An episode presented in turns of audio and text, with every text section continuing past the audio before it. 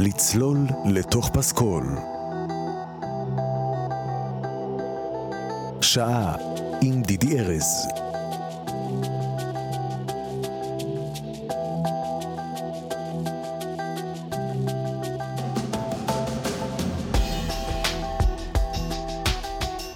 שלום, ברוכים השבים לצלול לתוך פסקול פה ברדיו מהות החיים, והיום אנחנו נצלול לתוך פסקולו של סרט הדוקומנטרי להעיר את יוסי, של שני היוצרים הנכבדים היושבים פה לידי, מוריס בן מיור וקובי פראד, שלום לכם חברים. שלום, שלום. שלום דידי. אני מאוד מאוד שמח לארח אתכם, אה, בעיקר אחרי שצפיתי אתמול בלילה בסרט, וכמו שכבר שיתפתי אתכם לפני ההקלטה, עברתי חוויה מאוד מאוד מיוחדת. מאוד מיוחדת, אני חושב שזה א', סרט יפהפה. אני חושב שיוסי בנאי הוא דמות מאוד מאוד מרשימה, אבל בלי קשר אליה, בלי קשר אליו כדמות מעניינת וכתוכן אה, ראוי לסרט, אני חושב שהסרט עצמו הוא עבודת אומנות יפהפייה, מעוררת מחשבה. אה, והדבר הראשון שרציתי לשאול אתכם, אה, זה דבר שעברה לי המחשבה עליו דווקא דרך המוזיקה ותפיסת הזמן של הסרט. שני דברים גרמו לי לחשוב על תפיסת הזמן. קודם כל, העריכה היא באמת מין עבודת אומנות חסרת אה, עוגנים כזאת, שבה כל הזמן אני מרגיש שפתאום מין קטעים ארוכים כאלה, אה, ופתאום קצרים, והכל בלי עוגנים, הכל מין אה, כמו עבודת אומנות אה, ארטילאית כזאת. וגם המוזיקה, הרגשתי שגם במוזיקה שהלחין אה, יונתן בר גיורא, ונדבר איתו בהמשך, גם שם, בהרבה מובנים, הזמן הוא מאוד אלסטי. לא שמעתי כמעט תופים בכלל בפסקול, שהם בדרך כלל מאוד עוזרים בקצביות להרגיש איזה, אה, הרבה פעמים גם אורחים עם אה, קצב של מוזיקה, לא היה שם את זה. וכל הז'אנר המוזיקלי הוא על-זמני כזה, הוא כאילו מדבר גם עם תקופות שלפני המון שנים וגם עם היום. כל הדבר הזה גרם לי לחשוב על תפיסת הזמן, והייתי רוצה לשמוע מכם, אה, קודם כל כנקודת פתיחה, על תפיסת הזמן ב- כנושא בעשיית הסרט, ביצירתו, בכתיבתו, בעריכתו. אני חושב ש... קודם כל, עצם ההחלטה שלנו אה, לעשות סרט שנכון שהוא הוא, הוא בתוך מגירה של אה, קולנוע תיעודי, אבל אפשר להתווכח עד כמה הוא באמת סרט תיעודי, קודם כל. להרגשתי הוא לא. זהו. שבעיניי הוא אה, איזה מין מעשה קולנועי שכזה, שהוא נטול הגדרה למעשה, כי הוא לא סיפור עלילתי. אה, סרט שכולו מבוסס, אה, רק, עשוי רק מחומרים ארכיוניים, ורק מקולו של יוסי. זאת אומרת שלא הדלקנו מצלמה, פרט וואו. לסצנת הסיום של הסרט, שכן הדלקנו שם מצלמה, אבל היא מצלמת את רחוב אה, שדרות חן. כן. אה, אבל אין מרואיינים בסרט. גם לא השתמשנו במרואיינים בחומרים הארכיוניים. הרי אה, בחומרים הארכיוניים יש את יוסי מתראיין, ויש אנשים אחרים מתראיינים על יוסי. לא השתמשנו בכאלה דברים. השתמשנו, החלטנו מין החלטה מאוד כובלת ומגבילה, לשת, לבנות את הסרט הזה אך ורק מחומרים ארכיוניים של יוסי, ומקולו. אה, זה סד שמאוד קשה להתנועע בתוכו. אה, זה מעניין מה שאתה אומר, כי דווקא מתוך המגבלה המאוד אה, חמורה הזאתי, יוצא לכם סרט מאוד מרגיש חסר גבולות. נכון, כי... כן, הופכים את הדפקט לאפקט, מה שנקרא. אה, אבל בהרבה מובנים אני, אני מרגיש שיוסי עצמו הוביל אותנו בעשייה של הסרט. כי כל מה שיש לנו בידיים, החומרים שיש לנו, הם דברים שיוסי מספר. ואנחנו די מהר הבנו שהנושא שהכי העסיק את יוסי, ואני מסיק את זה מעשרות שעות של חומרי גלם שהוא מדבר בהן, כולל תוכניות רדיו שהוא uh, הגיש בגלי צה"ל, תוכנית רדיו שנקראת uh, בקצה השבוע, נדמה לי, כן, בקצה השבוע, בכל יום שישי בצהריים. Uh, תוכנית שהוא דיבר בה על כל דבר. Uh, היו תוכניות uh, שהוא דיבר בהן על uh, ציפורים, על עונות השנה. תוכנית שלמה שהוא מקדיש לציפורים או לעונות השנה.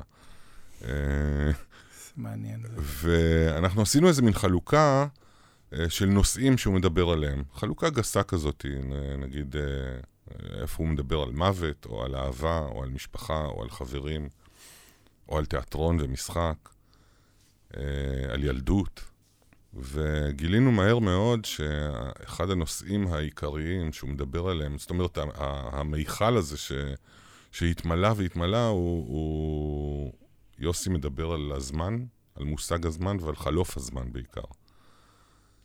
אה, וזה איזשהו אלמנט שדי הוביל אותנו בעשייה של הסרט, אה, ובעצם די הגדיר את, ה, את המבנה הנרטיבי, אם אפשר לקרוא לו, של הסרט. אה, אנחנו כן נצמדנו פחות או יותר לאיזה מין סיפור חיים, מילדות, ואחר כך איזה מין סוג של קריירה וחיים, ועד למוות.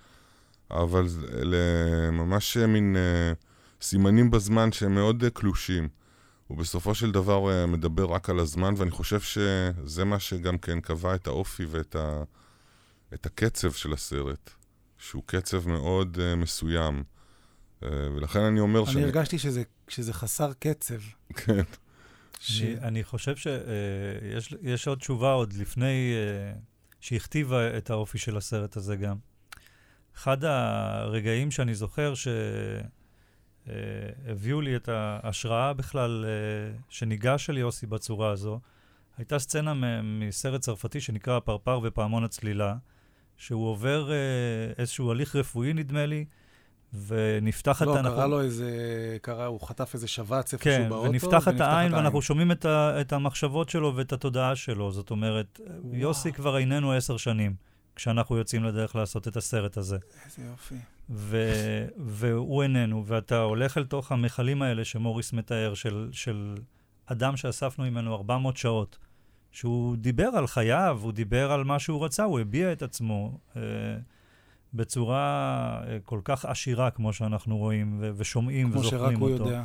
וגם היה מספר, הקול שלו טבוע לנו בזיכרון כמי שמספר את... אה, את uh, תקומה. עמוד האש. עמוד האש, כן. ו, ובעצם, ה, ה, וגם הצבע הזה, שבשבילנו הוא, הוא איזה זיכרון מאוד חזק במי, למי שגדל פה. עכשיו, העניין הזה של רצף תודעתי, הוא גם בהכרח הכתיב את הסרט הזה. זאת אומרת, הרגשנו שהוא איתנו בחדר. שהוא מביים באיזשהו אופן גם את היצירה הזו. זה כבר עונה לי על השאלות הזו. הבאות מאוד, אבל תכף אני אגיע לזה. רציתי לשאול משהו שעכשיו, כשאמרת את זה, ש... יש לי שני דברים לשאול אותך. אחד, האם בעצם גיבשתם את הקונספט הזה של בוא נעשה סרט על יוסי כשהוא מקריין בקולו עוד לפני שהתחלתם את כן, העבודה? כן, כן, כן, זה, כן. זה רעיון לגמרי שאני נותן את הקרדיט המלא לקובי. קובי מדהים. אמר לי, אנחנו נעשה סרט על יוסי בנאי. אמרתי לו, מה יוסי בנאי? עשו עליו מיליון סרטים. אה, עשו עליו כבר, וזה זה לא, זה לא רעיון מקורי כל כך. אמר, כן, אבל אנחנו נעשה יוסי בנאי בקולו בלבד. וזה הדליק אותי. זה אני, כשלפני שעכשיו הסברתם לי את זה, כשצפיתי בסרט, לי הייתה מחשבה שהחלטתם לעשות סרט על יוסי בנאי, ואז מצאתם את ההולי גרייל של עולם הדוקו, אותו מספר על החייו. א', לא הרגשתי בכלל שזה משהו שמלוקט מכל מיני הקלטות. זה הרגיש כאילו שכרתם אותו אחרי מותו, כן. ועשיתם איתו סשן הקלטה על כן, חייו. כן, יש בדיחה כזאת שלנו. גם כשאנחנו מספרים בפגישה עם קהל, שואלים אותנו, איך עשיתם את זה? אז אמרנו לנו, אה, נורא פשוט, אנחנו כאילו כתבנו את הטקסט, שלחנו לו, והוא של... שלח לנו הקלטה. כן. זאת אומרת שהרעיון הזה נולד תיאורטי לגמרי, לפני שבכלל הייתה כן, לכם גישה כן. לדבר הזה. מה שמצליח להביא אה, בסופו של דבר לתוצאה כזו, זה ה... זה א', באמת הכישרון הגדול שהיה לאיש הזה, והתחקיר, העומק של התחקיר. כשאתה מוצא אוצר, והבאנו גם חומרים מגלמים של סרטים שנעשו עליו, אה, מוריס אמר, נעשו עליו, אז רם לוי עושה עליו סרט שנקרא מכתבים ברוח, ואנחנו מגיעים ממש אל חומרי הגלם. אה, ובחומרי הגלם האלה מצאנו עוד, אה, מה שנקרא, חומרים, לסרוג איתם את, ה, את, ה, את המונולוג הזה. זה אין סוף חומרים מאין סוף שנים. ישבתם והאזנתם כן, וצפיתם כן. בכל הדברים יש כמה משפטים בסרט שתחילת המשפט אה, הוקלטה ב-68 נאמר, וסוף המשפט הוא מתוך רעיון שלו משנות, באמצע שנות ה-70, לא אה, משהו כזה. לא יאומן. לא, בעצם... לא, אבל אני חייב להדגיש שלא עשינו מניפולציה כזאת שתפרנו לו מילים. לא, אני מבין. זאת אומרת, כן אה, שמרנו על אותנטיות של הדברים שלו. אני חושב שאי אפשר לפגום בתחושת האותנטיות, גם אם הייתם עושים אני לא יודע מה, בגלל שקודם כל עצם זה שהוא מספר בסגנון הזה שלו, שהוא כל כך יוסי בנאי, אמ, וזה מוביל אותי לשאלה הבאה שרציתי לשאול אתכם, שהיא שוב קשורה למוזיקה כנקודת מוצא, אבל כמובן אה, הולך משם לכל רובד של הסרט. יוסי בנאי היה גם מוזיקאי מדהים, זמר ששם בסרט הוא מגדיר את, את עצמו כבעצם שחקן שמספר סיפור בשירה. ועניין אותי לדעת, בתוך התהליך של העבודה, לכל הייצוג של הפסקול, של המוזיקה ובכלל האווירה של הסרט, כמה הוא היה שם נוכח מבחינתכם כמשגיח אה, רוחני? משגיח כשרות. כרפרנס, האם דאגתם אה, שאתם לא זה... מאכזבים את, את כן. העשייה שלו אותו? זה לגמרי, קודם כל, אני נותן את הקרדיט הזה ל, ליונתן, יונתן, יונתן ברגיורה. ברגיורה, המלחין של הסרט. המלחין של הסרט, שהוא, חייבים uh, להגיד, הוא עבד עם יוסי איזה שלוש פעמים, שלושה שלושה אלבומים. כן, הפיק לו שלושה אלבומים. Uh, הוא היה קרוב איתו, הם uh, עבדו יחד, uh, הוא הכיר את, ה, את הצד המוזיקלי של יוסי מקרוב. אז הבחירה ב, ביונתן היא, היא לא באה משום מקום. זה חברת ביטוח. כן, לגמרי, סוג של חברת ביטוח. Uh, מצד שני, uh, עוד לפני שפנינו ליונתן, uh, אני זוכר שבחדר העריכה אני הושבתי כל מיני uh, uh, פסקול רפרנס, מה שנקרא. Uh, ויש לי תקליט בבית, אני כזה אספן של תקליטים וזה, יש לי תקליט של ונגליס, uh, דווקא לפני התקופה האלקטרונית ממש שלו, פסקול לסרט שנקרא רומנס. Uh, שפתאום נפלו לי כל האסימונים ואני הבנתי שאני רוצה מין פסקול שמאוד מאוד דומה לזה. והכוונה היא איזה מין פסקול שהוא נורא נורא רומנטי, ושיש בו איזה מין תחושה חריפה של געגוע. געגוע לזמנים שכבר לא קיימים, והוא לא פסקול תקופתי או משהו. מאוד לא... לא. זה עוד אחד מהרבדים שגורמים לסרט להרגיש על-זמני, זה שהמוזיקה, היא יכולה להישמע כאילו היא לקוחה מסרט שחור לבן משנות ה-50 לרגעים, ולרגעים יכולה להישמע כמו שלושה היפסטרים יושבים בתל אביב בימינו אנו, אה, ומנגנים. כן. נכון? כן, כן. יש רצועה שנקראת קרקס, שאני מאוד מתחבר אליה. אה, כל המוזיקה, תיאטרון וה... והטקסט היפה הזה שמדברים שם על ניסים אלוני, שהכל זה פנטזיה רחוקה, הכל ב... זה, לא, זה לא מפה. זה לא אז מפה, לפעמים נכון. הפסקול הזה מרגיש לא מפה. נכון. כמו אגדה רחוקה, כמו איזה סיפור פנטזיה. אה, כן, וגם, וגם יונתן נורא, נורא התחבר לדבר הזה, ו, והצלחנו ככה... האמת היא שכבר מה, מהקטעים הראשונים שהוא שלח לנו, זה היה די בול. בוא נשמע רגע עצמו. טרק מתוך, ה, אפילו שניים מתוך בשמחה, הפסקול, זה, ונחזור לשוחח אחריו.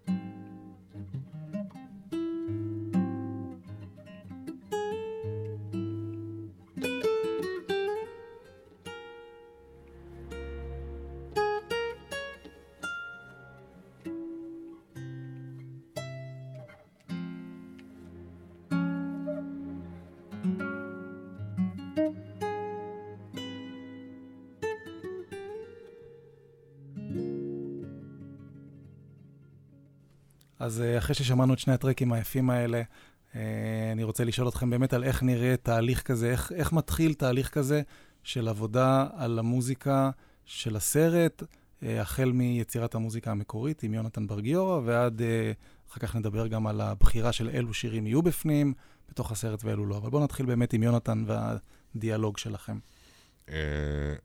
אז קודם כל, הדיאלוג עם יונתן התחיל מעצם העובדה ש... פנינו ליונתן שעבד כבר קודם על שלושה אלבומים עם יוסי. נכון. Uh, זאת הייתה נראית לנו הבחירה הטבעית. Uh, כמו שאמרנו קודם, uh, תעודת ביטוח. כי הוא מכיר והוא יודע. כי הוא מכיר והוא יודע, והוא עבד עם יוסי הרבה, והוא מכיר, כן, כי הוא, כי הוא היה עם יוסי, אנחנו לא. אה, למרות שכל מי שחי ומכיר את היצירה של יוסי מבין מה האופי שלו, כל השורשים הצרפתיים האלה והשנסון. נכון, נכון, אבל, מכיר, אבל יוסי הוא הרבה יותר... מכיר את ההשפעות, זהו, כן. מכיר את ההשפעות, לא את האדם. אני חושב כן. שבזה יונתן, אה, יש לו כמה צעדים מעלינו, כי הוא עבד כן. איתו באמת על שלושה אלבומים. כן. אני חושב שגם אה, יונתן, הדבר שהוא הביא לתוך המוזיקה, לתוך הפסקול הזה, זה איזה מין גישה... אפשר לראות את הניצנים של זה באלבום שהוא הקליט של יוסי מקריין תהילים. אהה.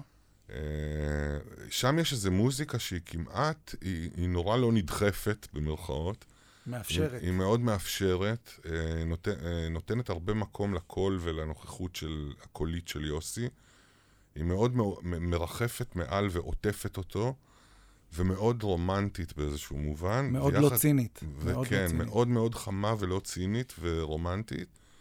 ומצד שני, גם כן לא מיושנת. יש איזה משהו שהוא כן מתכתב, אולי אפילו עם אמביאנט אה, של היום. אה, אה, מצד אחד רומנטי ונטוע בעבר, ומצד שני כן, אה, לא יודע אם עדכני זאת המילה, אבל... אה, כן, לגמרי עדכני. אמרתי מקודם אוף מייק, לצערי, אני אחזור על זה, שכשהקשבתי לפסקול הרגשתי שהוא לרגעים אה, לקוח מתוך סרטים בשחור לבן משנות ה-50 או ה-60, 50, ולרגעים הוא נשמע כמו שלושה היפסטרים תל אביבים יושבים פה באיזה מקלט ומנגנים, ואתה פתאום זרקת מקודם ונגליס, ו... כן, אז כן, ת, כן. תספר לי רגע איך, איך זה אה, קורה. אה, יש איזה אלבום של ונגליס, אני כזה אספן של תקליטים, אז uh, uh, יש תקליט שלו שהוא בקושי מוכר, פסקול של סרט משנות, משנת 71, uh, שנקרא רומנס. ו... ואני מאוד אוהב אותו, וזה, וזה, וזאת המוזיקה הראשונה שאני הנחתי עוד לפני שפגשנו את יונתן. אה, שמתי את זה ככה על הסצנות הראשונות שערכנו, וזה עבד יפה. ו- ואמרתי, או, זה איזה סוג של גוון שאנחנו ננסה לחפש אותו עם יונתן. ויונתן ישר ו- אה, התחבר לזה? יונתן התחבר לזה מאוד, וכמובן שהוא שכלל את זה הרבה יותר, וזה זה לא סאונד, אה, זה לא sound-alike. יש, יש מושגים ב- נכון. בכתיבה של פסי קול. מסביר רגע מה זה סאונד אלייק, כן. זה כשאני כעורך לוקח מוזיקה קיימת של איזשהו מוזיקאי כבר, מניח אותה, ואז אני מבקש מהמלחין, תעשה לי כזה. עכשיו שם, בוא אני רגע אספר רגע משהו על סאונד אלייק מזווית הראייה של מלחין. Uh, הרבה פעמים מגיעים במאים עם איזושהי יצירה שהם שמו כדי uh, רק שנתחיל לערוך. אפילו כשהם שמו את זה בפעם הראשונה, הם אמרו לזה, זה לא משהו, אבל בוא נתחיל מזה, ולאט לאט מתאהבים בזה, עורכים לפי זה, וכשמגיעים לסוף תהליך ה post-production למוזיקה המקורית, הם כבר לא חושבים שאפשר להחליף את זה בכלל, מרוב שזה מעולה. Okay. כן. Uh, אני שומע את זה פעם ראשונה, והם כזה אומר בנימוס, תשמעו, זה בסדר, track נחמד, לא הייתי, לא, לא, לא, תעשה לי בדיוק כזה. ואז מה שצריך לעשות זה ממש לנתח את ה track מבחינת מה הקצב שלו, מה הכלים שמנגנים בו, מה אופי ההתפתחות. עכשיו מצטרף פסנתר, אני רושם בדקה 0.7 מצטרף... ממש לעשות חיקוי של הדבר הזה, שהוא הכי קרוב לגניבה בלי להיות אשמים. נכון. נכון? נכון. אז זה לא המקרה עם לא יונתן. לא, לא, זה לא המקרה בכלל. אה, קודם כל, אי אפשר לעבוד עם יונתן ככה. אי אפשר לבוא ליונתן ולהגיד לו, תעשה לי סאונד אליי. גם לא מבזבזים את יונתן בר גיורא כן, על סאונד אליי. כן, בדיוק, זה טיפשי לגמרי. יש מספיק אה, אנשים אחרים שיכולים לעשות סאונד אליי בכישרון גדול, אבל זה נכון. לא היה הרעיון. נכון. אה, אז, אז עצם התהליך הזה של להשמיע ליונתן בכלל מוזיקה ולהגיד לו, תשמע, זאת ההשראה שלי, גם זה מביך כשלעצמו.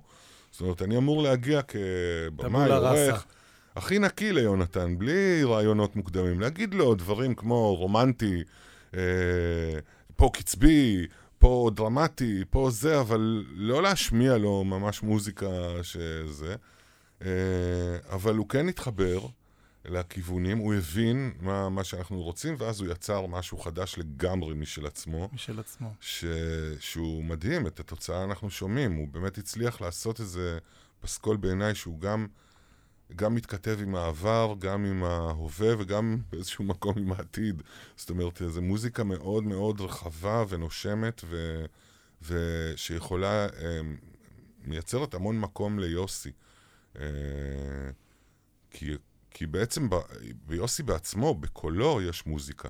נכון. זאת אומרת, הוא, הוא מוזיקה בעצמו. הוא מתנגן. אומרת, הוא מתנגן. הוא מתנגן. Uh, הוא לא צריך הרבה יותר מדי, הוא לא צריך איזה קישוטים, uh, נכון. הוא לא צריך קישוטים, הוא צריך... Uh, איזה משהו שילווה עוד יותר את הרוח שכבר קיימת בתוכו, ו- ואת זה יונתן השכיל לעשות, באמת. אה. וכל זה בהקשר של המוזיקה המקורית, אבל קובי, התחלת להגיד מקודם משהו, גם אה, בנושא בחירת השירים שדיברנו עליהם, כי הרי הרפרטואר של יוסי בנה היה יכול להיות אה, בפני עצמו שעתיים של אה, פסקול. כן, זה, זה, זה הלך איתו, ו- והוא קודם כל היה שחקן.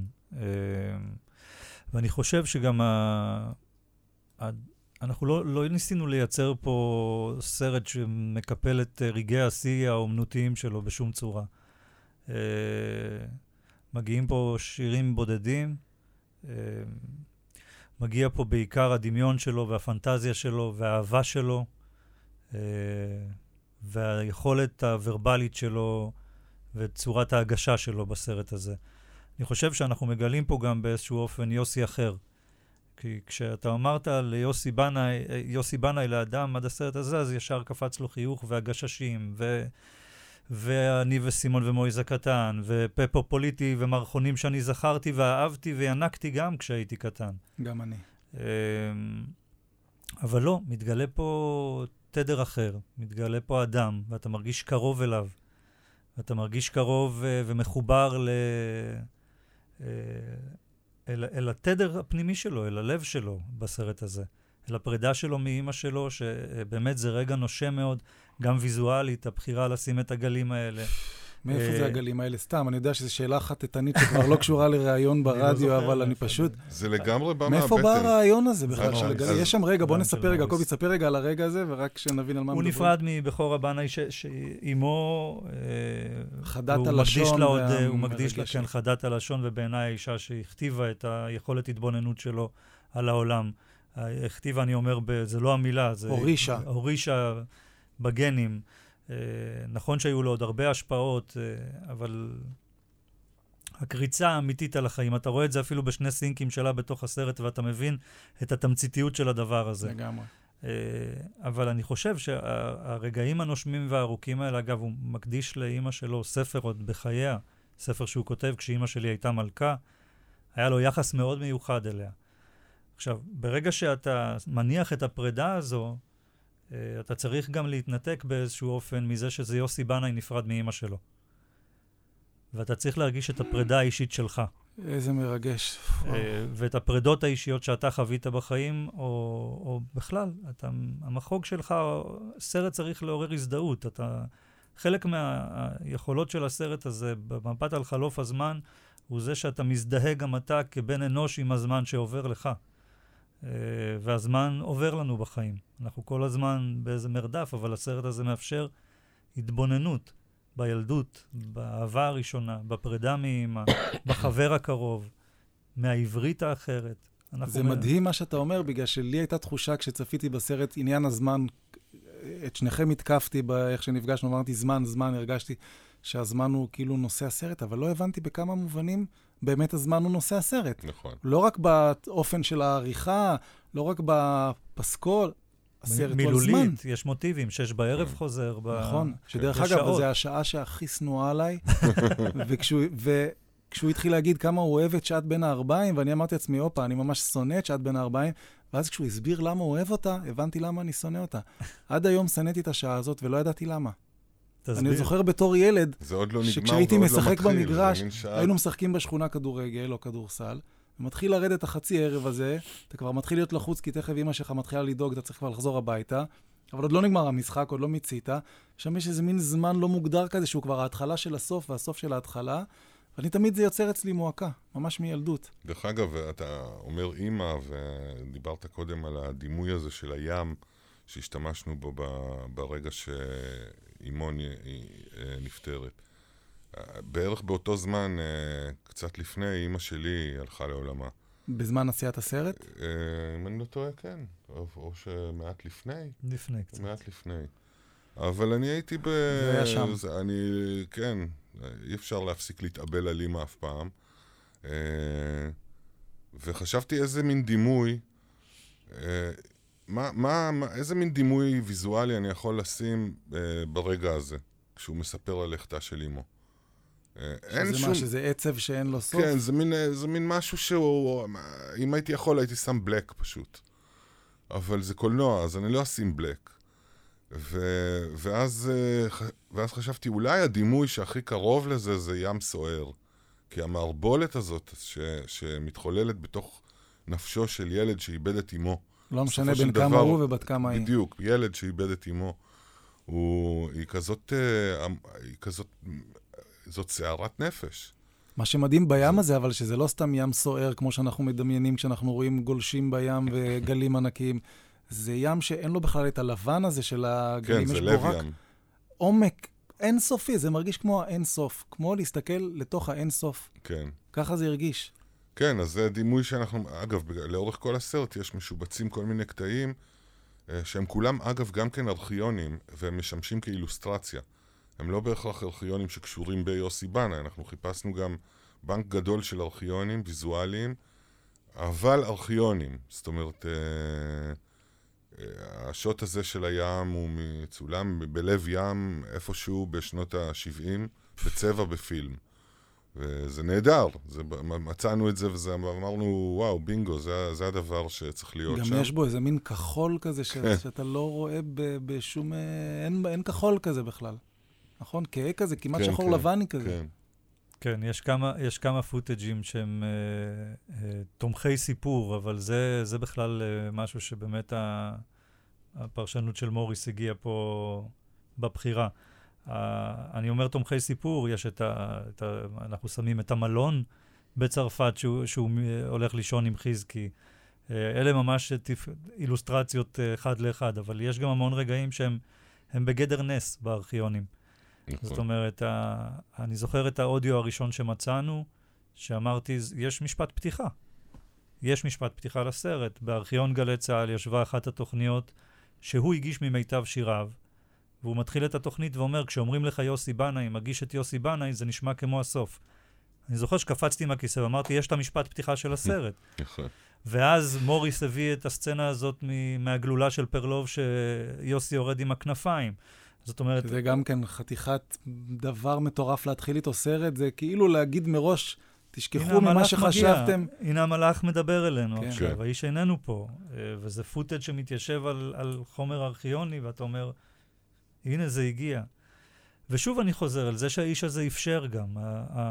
החומר שהוא ישיר אחריו היה עצום ואפשר בכלל להגיע אל הרעיון הזה, ולממש את הרעיון הזה בצורה הזו. אתה ממש מוביל אותי באף לשאלה הבאה, אבל בוא נשמע קודם עוד אה, שני קטעים מתוך הפסקול, ונחזור מהצד השני.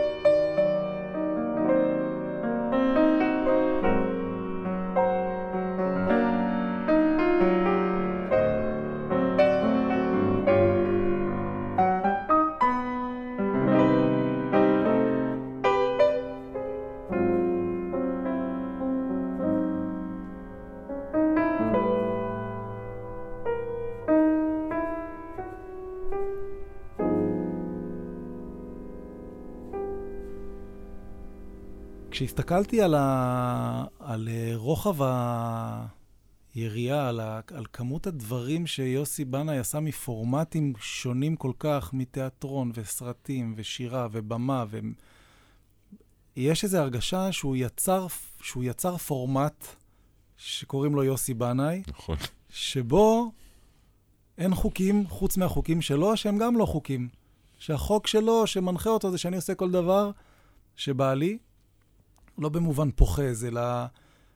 נגיד, יש שם את כל הרגעים שהוא מספר על ביקורות רעות שהוא קיבל בתחילת דרכו, מהמורה שלו לתיאטרון המפורסמת שאמרה לו, אין לך מה לחפש בתיאטרון, אה, דרך אה, אנשים שאמרו לו, אתה לא טוב בזה או אתה לא טוב בזה, והוא פשוט עשה כל מה שהוא הרגיש שזה הוא, ובאיזושהי אמונה עיוורת הלך עם זה עד הסוף. היה לנו משפט פעם שאמרנו שיוסי בנאי, היה הכי טוב בלהיות יוסי בנאי. ואין כמוהו ואין כמוהו, את זה. כן. אבל, אבל אני לא חושב שתמיד היה את הדבר הזה. אני חושב שבאיזשהו שלב יש לו איזה שיפט כאדם מתבגר, אה, ואומץ אה, שהוא עוזר ביחד עם שני פרטנרים. זאת אומרת, אה, הוא הולך די בתלם, הוא מגיע אל הבימה. מה זה בתלם? זה פורץ דרך להגיע אל הבימה מהמקום שהוא מגיע אל הבימה, אבל הוא כן. לוקח ימינה בתקופה שאנשים לא, לא, לא עוזבים את המקום הזה. זאת תקרה מאוד רצינית לשחקן או למי שחולם כילד וגוזר את התמונות של השחקנים רובינה הנערצים עליו נכון. מהעיתון. לא עוזבים את הבימה, והנה הוא עוזב. הוא, זאת אומרת, יש הרבה רגעים שבהם הוא, הוא משחק עם, עם, עם הנורמות שהיו קיימות פה בתרבות. מה אה, מקובל, מה המסלול. הבידור, המילה בידור הייתה מילה גסה. זאת אומרת... אה, תיאטרון היה אומנות גבוהה. בטח, היא שואלת אותו, לא מעניין אותך להיות שחקן רציני? והוא אומר לה, אין כזה דבר רציני, יש או מגוון או מוגבל. והוורסטיליות הזו אה, היא, חלק, היא חלק מהדבר הזה שאנחנו מדברים עליו, מה, מהאיש הזה. זה... מין מולטי אה, אומנות... מולטי טאלנט מולטי. טאלנט בתקופה שזה לא היה מקובל, עוד 40 שנה אחר כך, כשמישהו הרשה לעצמו לעשות גם סדרת נוער וגם סרט רציני, שאלו איך זה מסתדר לך. אה, נכון? אתה מכיר את זה כן, קובי כן. יותר טוב ממני, שאומרים לאומנים, עשית אבל גם פעם אה, זה ועשית פעם זה, איך זה מסתדר. כן. והוא בכלל דילג על כל ההתלבטויות האלה, הוא פשוט עשה מה שהוא מצא לנכון. והשאלה שרציתי לשאול על זה, האם הדבר הזה היה אצלכם במחשבה גם כשעשיתם את הסרט? כי להרגשתי, גם הסרט הזה לא מציית לשום חוק של סרט אה, תיעודי. אני אומר את זה כמי שמתפרנס מלהלחין סרטים תיעודיים ורואה אותם כל הזמן בשלבי הבנייה שלהם. אני מכיר המון חוקים, יש חוקים בסופו של דבר לבנייה של פורמט, ופה לא הרגשתי שאני רואה סרט דוקו. נכון. אה, לא. התשובה לשאלתך היא לא, לא ידענו. לא ידענו למה אנחנו נכנסים, זה לא היה, לגמרי לא היה מתוכנן. זאת אומרת, ידענו מה החוקים שאנחנו נפעל לפיהם, או ננסה לפעול לפיהם. ידענו שנעשה סרט מקולו בלבד ומחומרים ארכיונים בלבד. לא ידענו מה עומד לפנינו. לא היה לנו מושג, א', כמה זה יהיה קשה, ו... ולא... כן, ו... זה היה קשה. כן, אבל גם לא היה לנו מושג שאנחנו נדרשים בעצם אה, להשיל מעצמנו כל אה, דעה, דעה מוקדמת שהייתה לנו על איך לעשות דבר כזה, או איך לעשות סרט תיעודי.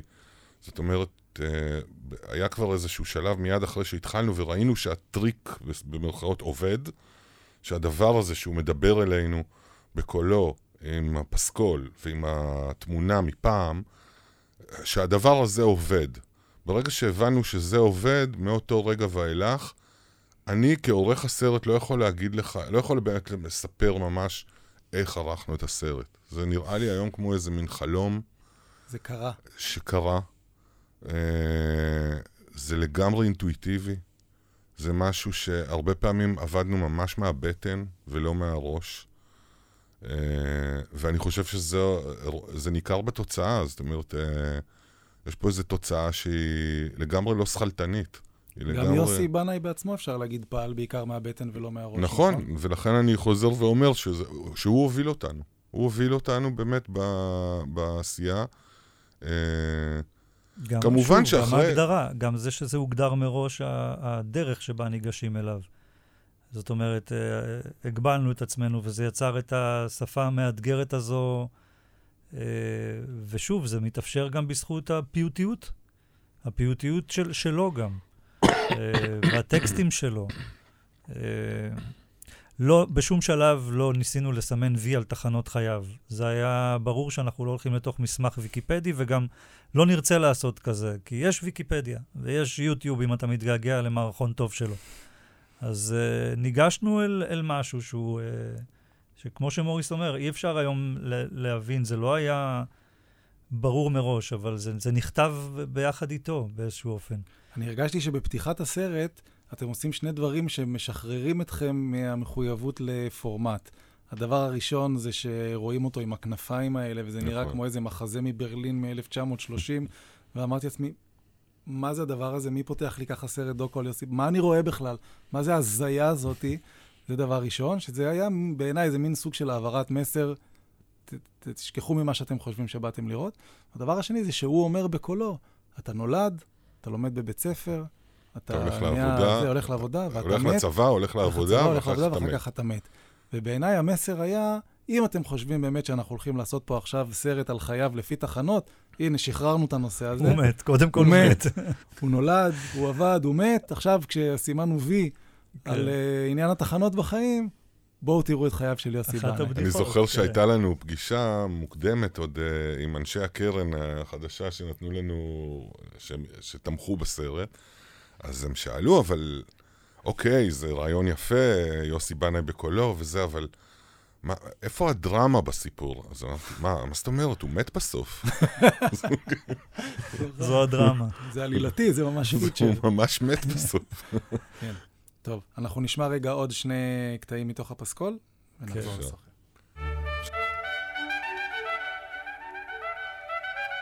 בהתחלה נולדים, אחר כך הולכים לגן, אחר כך לבית הספר, אחר כך לצבא, אחר כך מתחתנים, משם הולכים לעבודה, ואז מתים.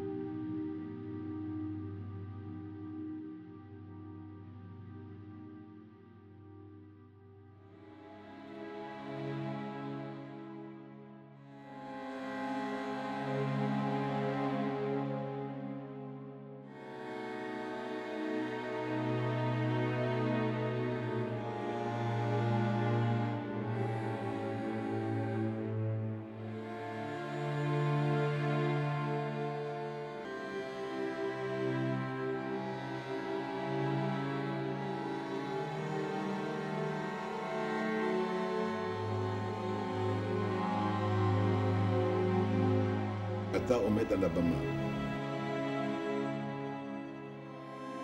ואתה פתאום מדבר אל החושך הזה, אל הבור הגדול הזה באולם, שזה חושך. בא קהל, אתה מכבל לו את האור באולם, כמו לילדים קטנים, עושה לו חושך, מעלה אור על הבמה ומספר לו סיפור. ברגע שאני מאבד איתו את הקשר, אין הצגה. אני כל פעם צריך מחדש, מחדש להוכיח לקהל שאני מוכשר, שאני יודע את מה שאני עושה. זה לא נגמר בפעם אחת.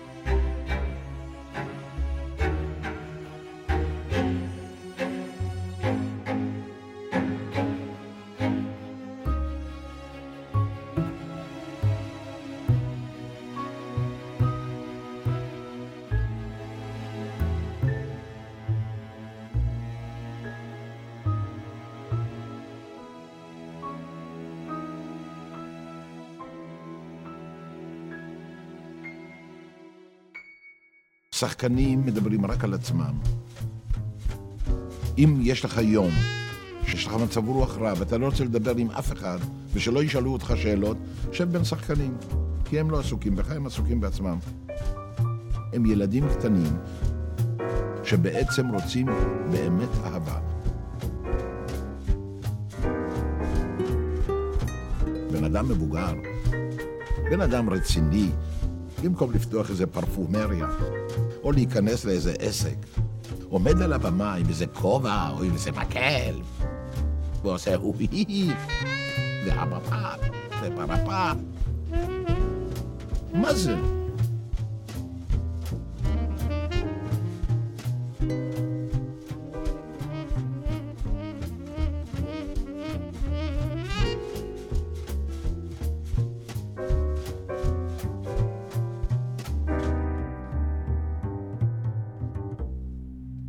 אדם, אפילו אם יש לו אלף שנים, הוא תמיד יישאר בתוכו, בתוכו, בפנוכו שלו, תמיד יישאר ילד. עם המילים היפות האלה של יוסי בנאי ובקולו, אנחנו נסיים את השעה הראשונה, את המפגש הראשון, איתך קובי פראג' ואיתך מוריס בן מיור. אנחנו ניפגש אה, בתוכנית הבאה בעוד אה, שיחה מעניינת מאוד, מרתקת, על הסרט להעיר את יוסי, איתכם ועם יונתן ברגיורה, המלחין של הסרט. ניפגש בתוכנית הבאה.